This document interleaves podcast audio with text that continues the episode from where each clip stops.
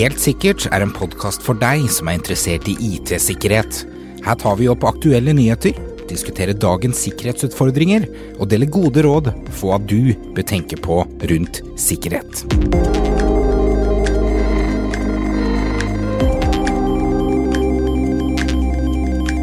Har du noen gang tenkt over hvorfor den nettleseren som du bruker, er gratis? Har du tenkt over hvorfor du ikke betaler penger for Gmail eller Google Documents? Vi omgir oss med gratisprogrammer. Alt fra det som er installert på datamaskinen, til skytjenester som Dropbox og OneDrive. Men er gratis alltid like bra som betalingsvare? Og hvordan vet du at du ikke får med noe ekstra på kjøpet når det er gratis? Velkommen til Helt sikkerhet. Mitt navn er Stian. Min navn Alexander. I dag skal vi snakke litt om freeware, eh, altså gratis programvare. Det er jo et tema som er høyaktuelt innenfor sikkerhetsverdenen i dag, Mm. fordi det er såpass stort bruk av det. Jeg kan nesten garantere at hvis du går til hvilken som helst bedrift i dag og ser gjennom brannbiologen, og så ser hvilke type tjenester de bruker, så vil du garantert nummer én finne Dropbox, du vil finne OneDrive, og så vil du finne mest sannsynlig Messenger eller en eller annen chattetjeneste Mm. som da selvsagt ikke har vært gjennom noen godkjenningsprosess i bedriften. For, for det er sånn det er. Vi, vi, vi begynner å bruke tjenester på privaten, og så tar vi det med inn i jobbmiljøene våre. Ja. Og det, det er jo alltid sånn når du på en måte bruker et programvare som du ikke betaler for Det må jo være noen utviklere, det må være mm, tjenester, servere og allting som må bli betalt for i bakgrunnen her. Det er ikke bare noen ting som noen har laga på gutterommet for å, for å være snille, liksom. Det, det er jo akkurat da. For eksempel Mozilla Foundation, som lager Firefox, som er da en nettleser som er gratis, er jo faktisk en foundation som har penger, de har et budsjett, de har flere hundre utviklere som jobber med dette her. Det er faktisk en bedrift Mm. som står bak. Så, så kan man stille spørsmålet hva får de igjen for at folk bruker nettleseren sin? Eh, Det, det er jo ikke bare selskapets verdi eh, det er snakk om her. De, må, de får jo noe ut av de dataene som ligger i nettleseren. Ja, og de må jo få betalt for, eh, for den dataen som de samler inn, på en måte, sånn at de kan tjene litt penger. Så er da spørsmålet da, hvilke data samler de inn, og på hvilken måte gjør de det, og kan det brukes til noe utenom Mm. det? Og da tas litt inn på dette her med de forskjellige typene av programvare som finnes der ute. Altså den type nettlesere som vi snakker om nå, som er da gratis, kalles for freeware. Det er gratis programmer som tildeles ofte med open source-lisens. Mange er også close source, for eksempel sånn som eh, Chrome er jo close source. Eh, Chrome er close source, men Chromium, da, som ligger under, er jo da open source, Yes. som for eksempel uh, Edge, nye Edge, mm -hmm. uh, Firefox og Chrome da bruker i bånn. Og så har man det som kalles for shareware. Uh, shareware det er et litt sånn uh, litt gammelt hvis du, hvis du kommer fra litt, uh, litt eldre tider, så, så har du hørt om ordet shareware. Det er et, et program som i utgangspunktet er gratis, men og, og du faktisk blir oppfordra til å lage kopier av programmet. Men som ofte så er det en kost ved å For eksempel en frivillig lisenskost. Ta for eksempel Vindrar. Ja. Det er et sånn fin eksempel på en shareware-programvare. Som eh, kanskje de fleste bruker har installert, men på, folk syns så synd på de utviklerne av Vindrar fordi at de sitter igjen med så lite penger, men det, er garantert ganske mange selskaper som betaler for å få support på det. Ja, ja. og, og Vindrar er vel kanskje det eksempelet som også har vært veldig mye Du kunne få Vindrar i mange forskjellige nedlastningsversjoner. -hmm. En rein versjon som bare var WinRAR, en WinRAR som inneholdt eh, adware, for eksempel, Yes. eller eh, reklame. Og, og som gjorde at eh, trepart eh, de, Ikke de som er utviklet programvare, men trepart tjente penger på å legge med ekstra programvare Yes. i, sånn at du kunne bruke det. For det er akkurat det du sier, den tredje typen programvare som har det såkalt adware. Mm. Vi ser det ofte på Android, der det kommer f.eks. reklame med i appene. Mm. Det er såkalt adware, der eh, programmet er finansiert av reklame. Ja. Så enten om det er utvikleren som da har lagt til reklame, eller noen som da har tatt koden som har vært eh, freeware eller åpent, eh, og lagt til reklame for å tjene penger. Så hvordan vet du egentlig at eh, sånne gratisprogrammer skal være gratis, og hvorfor de er gratis? Vet du hva sikkerhetsrisiko som eh, kommer av å bruke de? Og kan du være faktisk trygg på at da programmet kun gjør det som han sier at det gjør på, eh, på pakken? Mm. Svaret er vel eh, nei på siste, men eh, vi skal se hvor vi kommer med dette her. Antivirus det er noe som eh, alle trenger, og et sikkerhetskrav i dag er at alle skal ha det på maskinen sin.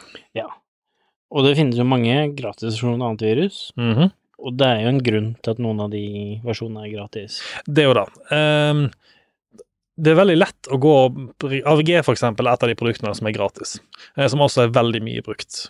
Eh, Gratis nedlaster for personlig bruk. Du kan betale for å få litt mer avanserte funksjoner, sånn som webproxy, eller såkalt next gen eh, protection. Men antiviruset sjøl er gratis. Det de fleste kanskje ikke vet, er at når du laster ned den antivirusen og installerer den på PC-en din, så godtar du også vilkårene til AVG. Mm.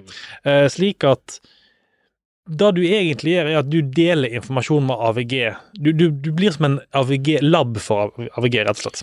Ja, for det som eh, sånne tjenester kanskje trenger litt mye av, er jo å, å oppdage og fange opp nye versjoner Yes. av virus, nye ting, Sant? hvilken sider du besøkte, og hvilken sider du mm, lasta ned ting som var skadelige fra, ikke sant. Også hva, hva slags mønster du har, sånn at de kan lage automatiske motorer, sånn som eh, maskinlearningsting, som skal blokkere ting, da. Så Nettopp. alt sånn informasjon om hvordan atferd og, og sånt det har, det er jo data de må ha masse av for å generere de tjenestene de har. Og, det er jo akkurat det vi snakker om. Altså Antivirusprogrammer er jo notorisk kjent for å være dyre i utvikling, fordi at, som du sier, det krever veldig mye ressurser til deteksjon, og som sagt å finne nye, nye trusler. Og det handler jo også om å være på topp når det har kommet til deteksjon av disse truslene. Eh, og en måte da, det er det de samler inn data fra alle brukerne som har installert AVG, spesielt gratisversjonen. Mm. Og det er egentlig da du sier at når du velger å ta imot gratisprogramvare av produktet, så sier du jeg tillater at dere skal kunne bruke de filene dere skanner hos meg, til forskningsøyemed. Og til forskningsøyemed så bruker de da eksempel, hvis du får et virus på datamaskinen som er helt nytt, eh, og der viruset er et dokument som du har noe personlig informasjon i, så har AVG rett til å lese innholdet i det dokumentet, laste det opp til sin egen server, analysere det der og distribuere signaturen på det dokumentet ut til de alle de andre Mm. kundene som har eh, AVG. Og, og ofte, også, jeg tror nok de fleste antivirusprogrammer har funksjoner som gjør det her, eh, men normalt sett for de betalte versjonene, så er jo det noen ting som, som normalt sett står avslått, men du Ja. kan slå det på. Yes. Men på gratisversjonen så står den automatisk på, sånn at de, du alltid laster opp Hvis den fil er på 50 meg, og den finner noe rart i den, så vil den laste den opp på sin cloud-tjeneste, Mm. analysere den, og så lage en signatur for, for det hvis det er noe skadelig. Og den fila kan inneholde bedriftsinformasjon, det kan Yes. inneholde personlig informasjon. Det kan være programvare som er utvikla av bedriften som kanskje er sensitivt, som ikke noen andre skal ha tak i, f.eks. Mm. Det, det er jo ikke en ukjent situasjon at man har produktutvikling, og så laster man opp da kildekoden til en tredjepartsleverandør av antivirus. Og alt dette her fordi man ønsker å spare de kronene til antivirus som det koster, og med argumentet ja, men det er jo gratis.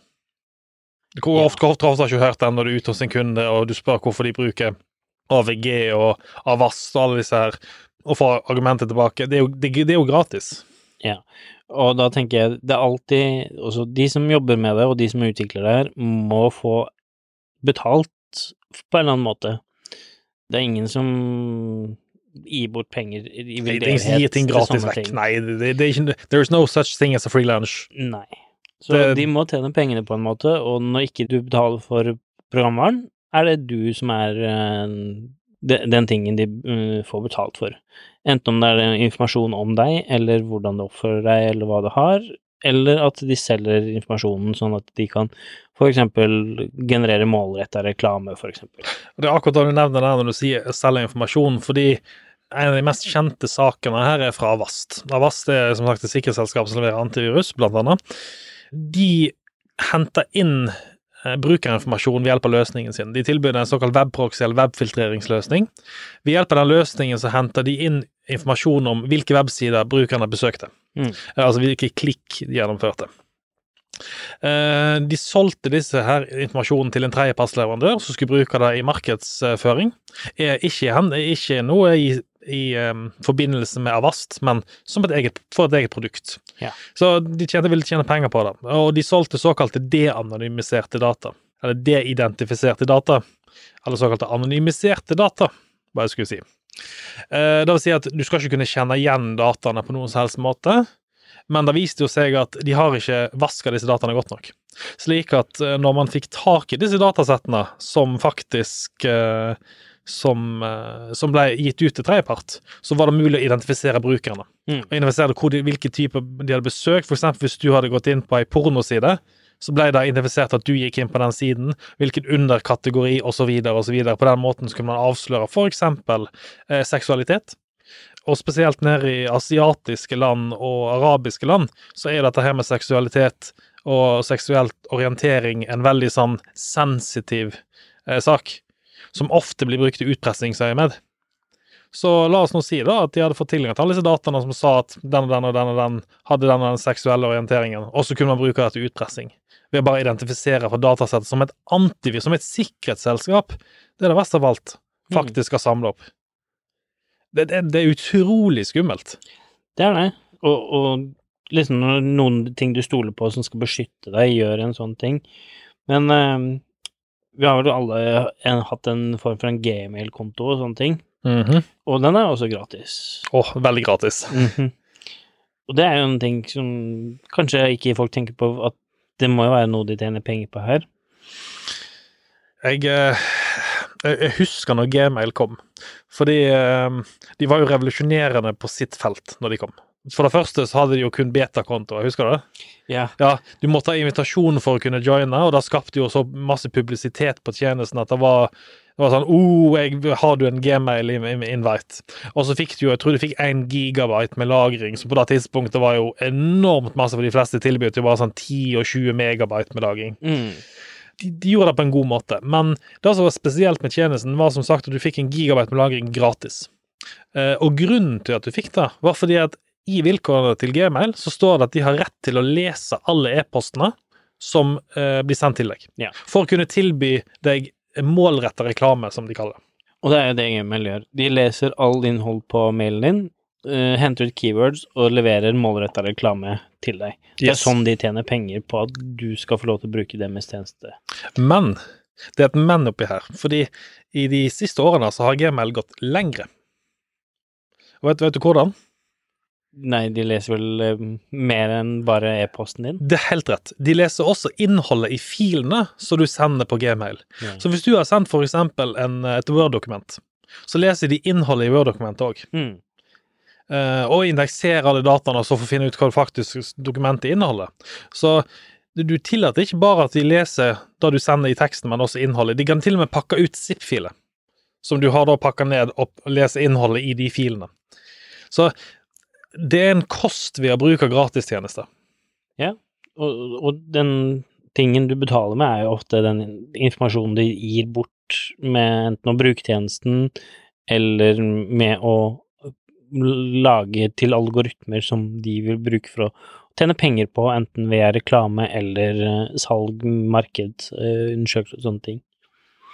Og ehm, det tar oss litt inn på et litt annet tema som har vært eh, veldig mye fremme i pressen den siste tiden, og det er denne her eh, NRK-saka om GPS. Ja. Fordi vi snakker om tredjepartsleverandører, dette her er en utrolig stygg sak. Altså, oss som jobber innenfor sikkerhetsmiljøet, har jo visst at sånn type overvåkning pågår. Ja. Og det har pågått i mange, mange år, og det har pågått lenge før eh, apper og sånt ble eh, populært. Men sånn kort fortalt, hvis du vil gi oss en liten introduksjon til den saka? Ja, nå kjenner ikke jeg den så veldig dypt, men, men hele tingen er jo det at de, de på en måte spora GPS-lokasjonene dine, og delte de GPS-lokasjonene med en trepart. Det, det, det er for så riktig. Eh, Det som skjedde, var at eh, NRK gikk ut og så kjøpte de informasjonen fra en tredjepartsleverandør. Eh, Og den tredjeparten eh, har da henta inn informasjon om GPS-sporing basert på mange apper. Mm. Dette her er jo ikke da Google-apper, dette her er jo for eksempel sånne spill. Typ, typisk sånne der tredje spill som ønsker å tjene penger for reklame, og så går de til en tredjepartsleverandør, får reklame inn i appen sin, den reklamen krever tilgang til GPS-sporing, selv om ikke appen krever tilgang til det, så krever reklamene. Og så begynner de å lagre hvor du har beveget deg. Mm. Altså GPS-posisjonsdata. Og så tar reklamebyrået og selger de dataene til en tredjepartsleverandør igjen. Og så selger de det videre til nok en tredjepart, og så tar den tredjeparten da, eller det blir det sjettepart, og selger det videre til sluttkunden. I dette tilfellet så var det NRK som gikk ut og, um, og kjøpte disse, et såkalt datasett med analyserte data, i den preteksten at de skulle bruke det i en undersøkelse for det var vel noe bevegelse i, eh, i fylket for å vurdere kollektivtransport eller noe sånt. Så, så de utga seg for å være et firma da, for å kjøpe disse dataene. Det Da de fikk var ganske store datasett med såkalt anonymiserte data. Eh, Disse dataene var inneholdt GPS-posisjoner til eh, unike da, individer, og hvor de GPS-posisjonene forflytta seg. Så slik at man, når man så det over tid, så så man da spor på hvor disse bevegde seg på kartene. Mm. Eh, I utgangspunktet så er ikke det farlig i seg sjøl. Jeg kan fortelle litt sånn som man jobber i etterretningsmiljøet. så jobber man som regel ikke opp mot én kilde med data. Én kilde med data da gir deg et inntrykk av dataene. Eh, Så det som NRK gjorde, var at de gikk ut, og så putta de alle disse her GPS-dataene på et kart. Og så så de da hvor prikkene mest var. Altså hvor det var mest, mest prikker på kartet. Og på den måten da kunne de pinpointe at i de lokasjonene så var den, den såkalte målet som de skulle prøve å identifisere, mest. Det de fant, var at de fant eh, et kontorbygg der han hadde vært. Eh, De fant også en leilighet, og så fant de også en tredjeplass og butikken. Der han hadde vært ganske ofte. Mm. Og disse dataene var så nøyaktige at de kunne pinpointe ned på hvilken balkong i leiligheten han hadde. Eh, Og på den måten så kunne de bare søke opp på 1881, finne ut hvem som bodde i bygget, og så søkte de gjennom, og fant de opp en liste med navn. Så søkte de opp personer på Google, fant ut hvor de jobba, og så så de på den andre plassen, som da var arbeidsstedet. Ja. Som var også plassen han befant seg eh, rimelig ofte. Så matcha de informasjonen på eh, hvilket arbeidssted som han eh, hadde vært mye på, med, informasjonen på 1881, hvor han jobba, og på LinkedIn, og fant da ut til hvilken person det mest sannsynlig var. Eh, Det de også fant ut, var at denne personen hadde da besøkt en, en tredje lokasjon, eh, der han hadde vært på jobbintervju. På en ny jobb, som ingen visste om i bedriften. Så han i, allerede nå.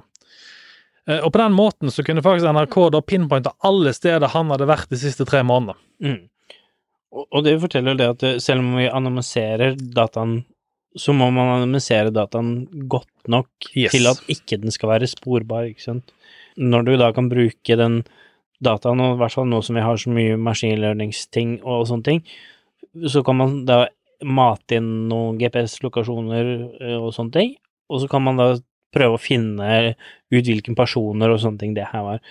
Så detaljene rundt det med, med anonymisering av data må jo da være så anonymiserbart at det ikke kan med andre data gjenskapes hvem det er, da. Og det var akkurat det de gjorde her. Altså, GPS-dataene var så nøyaktige at de kunne gå ned på hvilket leilighetsnivå individet befant seg i. Hadde man f.eks. fjernet et komme for GPS-dataene, så kunne man fortsatt bruke dataene i forskningsøyemed ved å si at innenfor dette området så har de beveget seg sånn og sånn, men ikke fått nøyaktig nok data til å faktisk kunne pinpointe ned på eh, individnivå. Ja. Men det er ikke blitt gjort. Og det er ikke blitt gjort fordi at man fjerner liksom navnet fra dataene, og så tenker man er det godt nok.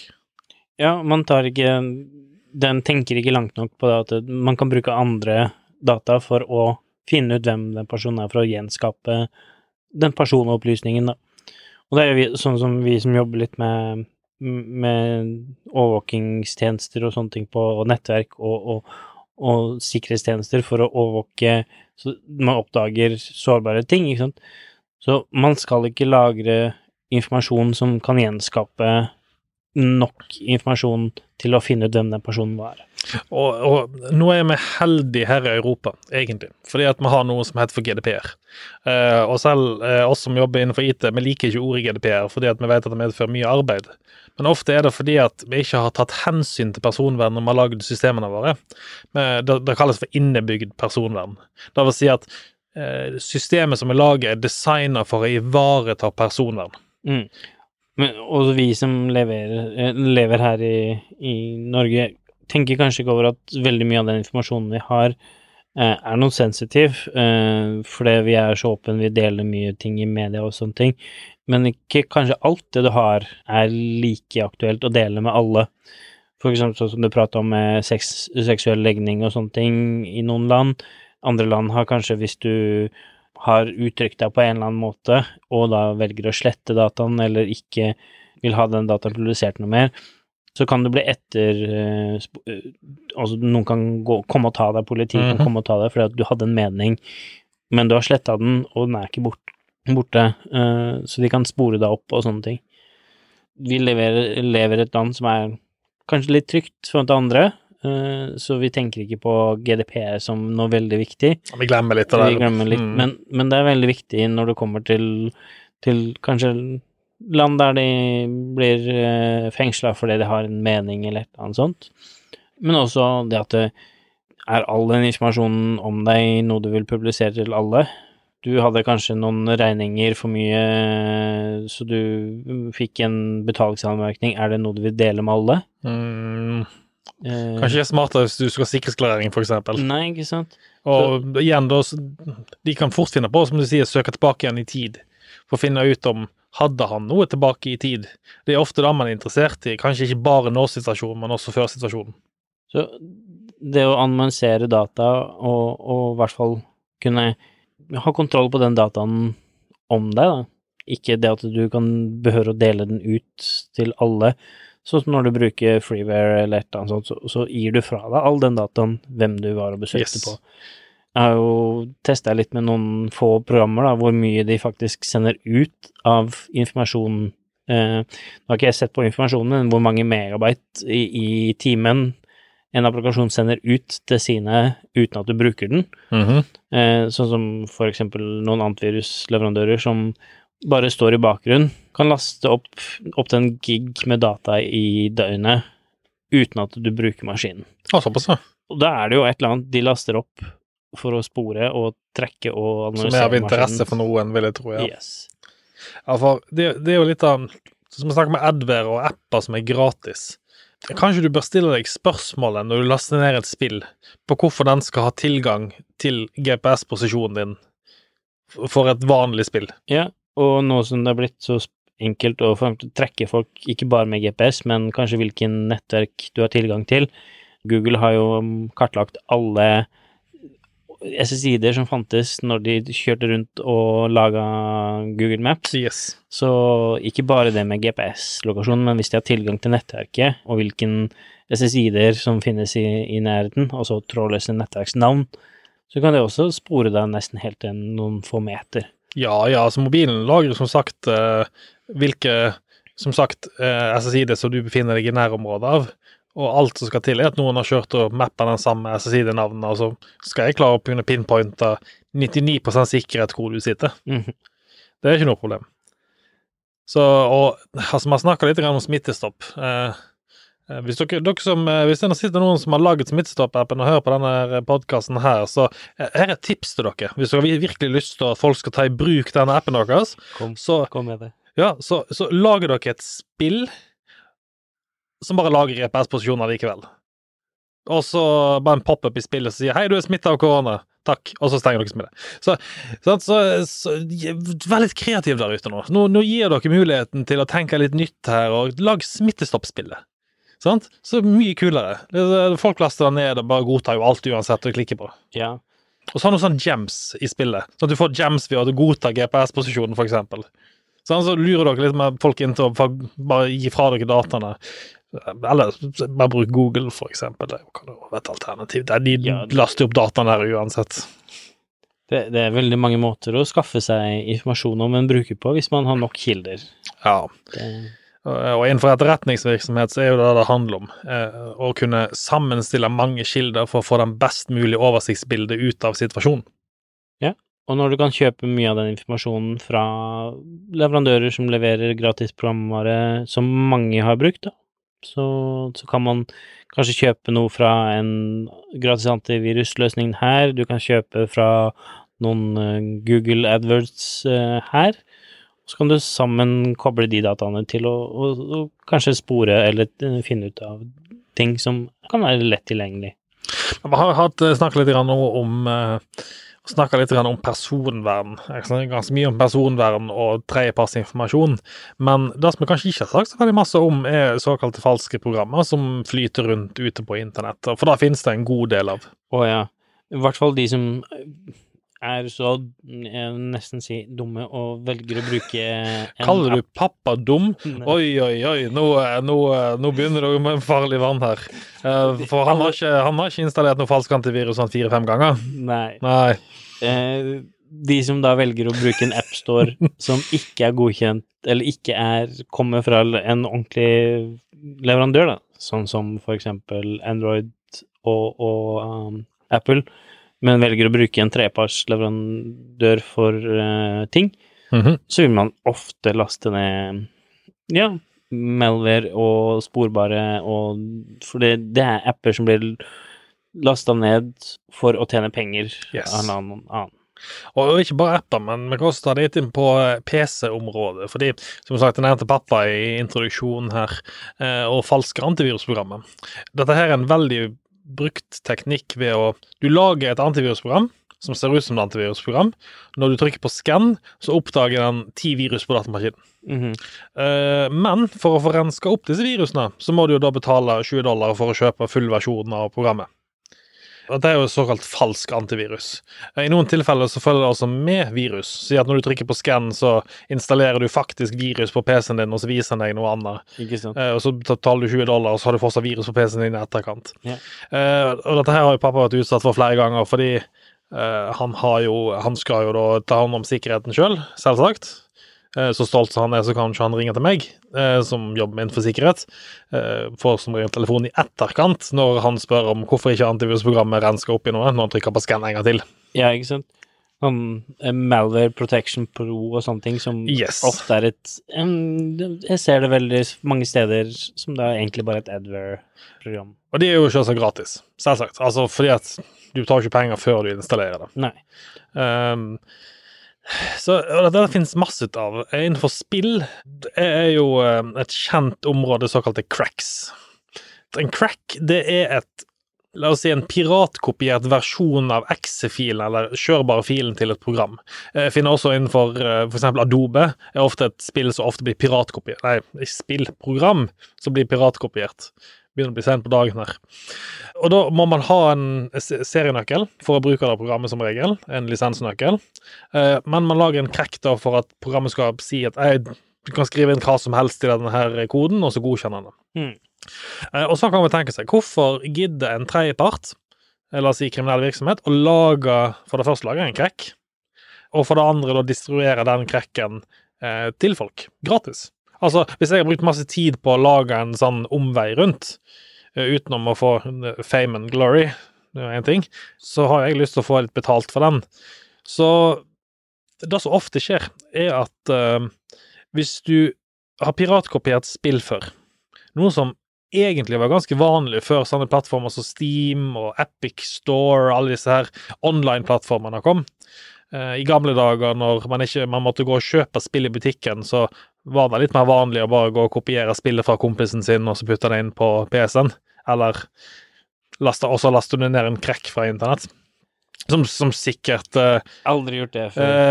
Uh, man selvsagt ikke hadde innrømt på denne podkasten her at det hadde skjedd før, men som sikkert noen der ute har funnet på og gjort før. ja. Jeg er heldigvis ikke noe veldig spiller. Så. Men eh, går du derimot og laster ned nå, litt sånn piratkopierte spill på sida, eh, og så henter du ut cracken og skanner den, så vil du i ni av ti tilfeller finne at det ligger virus på den. På, den cracken. Mm. Fordi at, som sagt, de skal tjene penger på dette her på en eller annen måte. Ja, Eh, det- legger inn noe adverse, for eksempel, Yes. eller noen ting som gjør at de trykker på linker automatisk, sånn at de tjener penger på Så der har du da en tredjepart, la oss kalle det en kriminell tredjepart, som da har betalt en eller annen distributør av piratkopierte spill for å legge inn da f.eks. et Melver eller en trojaner. Mm. Og det er ganske kult, for hvis du går tilbake igjen i tid, og så laster du ned eh, gamle piratkopierte spill, kanskje for 10-15 år siden, og så begynner du å undersøke da hvilke type virus som ligger i disse krekkene, så finner du ganske mye interessant. Oh, ja. Det er mange. Og det er ganske mye kult du finner, ting som kanskje er oppdaga flere år seinere, som du finner i disse gamle krekkene som ligger der. Som da var helt nytt på den tiden. Så vi- snakka litt grann i tidligere episoder om dette her med å bruke spill-PC-er som hjemmekontor. Spill-PC-er som ofte guttungen har vært borti, eller noen andre her borte, kanskje til og med du har vært borti. Ja. Altså, hvis du begynner nå å tenke gjennom alle disse her uh, mulige måtene å få virus på Du, du nevnte som sagt i en tidligere episode at du hadde vært ute som kunde og renska deg opp i en sånn Melvær-PC for ikke så veldig lenge siden. Ja, og, og det, det som skjer veldig ofte, er jo enten at det kommer med cracks, øh, eller de kommer med, med mods til et spill. De kommer med kanskje Du skal legge opp en ny map på et spill, for eksempel. -hmm. Og alle sånne ting ofte inneholder en eller annen form for Kanskje malware eller Yes, headover eller sant. et eller annet sånt. Sånn at de kan tjene penger på deg, eller at de kan komme inn og få brukt maskinen din til andre ting. Og så tar jo du i bruk den maskinen til kontorsystemet, spesielt når det er kritisk og haste, og kobler den rett inn på nettet. I mange tilfeller som tar rett inn på servernettet, fordi at serverne står jo på ett nett, for du har jo bare et flatt nett, trenger jo ikke noe mer enn det. Nei, det, Det, det er jo mye enklere med flatt nett. Ja, og det er jo så sikkert når det er alt flatt nett, for da får du jo tilgang til alt. Ja, ikke sant? Du slipper at jeg styrer med banemur og sånt, det er veldig praktisk. Eh, Det var ironi for dere som ikke skjønte det. Jeg er ikke ute og anbefaler flatte nett til noen som helst. Mm, Nei, nei. vær så snill. Men eh, hvis vi tar til, litt tilbake igjen til hvorfor nettleseren er gratis Med Chrome så er jo det et, det er egentlig et Google-produkt. Google er jo igjen da kjent for å samle informasjon om brukeren. Eh, og de samler også informasjon ved Chrome, eksempel bruksinformasjon. Hmm. De er nok veldig restriktive med hvilken type informasjon de samler i nettleseren, for nettleseren er et veldig ømfintlig område, og har vært eh, gått veldig masse gjennom av EU-kommisjoner. Blant annet Microsoft har jo fått bøter tidligere for å, kunne, for å presse brukerne sine på eh, Internett Explorer, som de falt i Windows. Så, så det er nok et veldig spesifikt fokus der, men vi vet at de leverer da tjenester som gjør disse tingene med å lese gjennom informasjonen. Eh, Google Doc Documents, for eksempel, et av eksemplene. Google Documents. Eh, Google, og beste eksempelet jeg har, er faktisk Google Pictures. Fordi hvis du tar bilde av et nummerskilt på en bil, og så søker du på La oss si at du søker på det nummerskiltet. Dette, det, gjorde jeg faktisk med min bil, for jeg skulle prøve å finne når jeg hadde kjøpt den og kontrakten på den på e-post. Søkte jeg gjennom, og plutselig så poppa bildet av bilen min opp på Google fordi jeg hadde tatt bilde av nummerskiltet. Ja. Han hadde og slett gjenskjelt teksten eh, på på bildet bildet. og så indeksert det med den informasjonen, uten at jeg hadde gitt beskjed om det, at det var lov. Mm. Han hadde bare gjort det. Og, og alt den informasjonen du eksempel søker med på Google, all den informasjonen som hvilken sider du besøker og sånne ting, Mhm. er jo nå noe Google eh, selger videre til reklameselskaper for Yes. å, å få tjene penger på hva slags målretta reklame de kan gi deg. Både med at de gir målretta reklame i browseren din direkte, eller at de, de selger informasjon til eh, markedsselskaper som sier at ok, brukerne som er interessert i dette, er også interessert i dette, så her er et marked dere kan tjene penger på.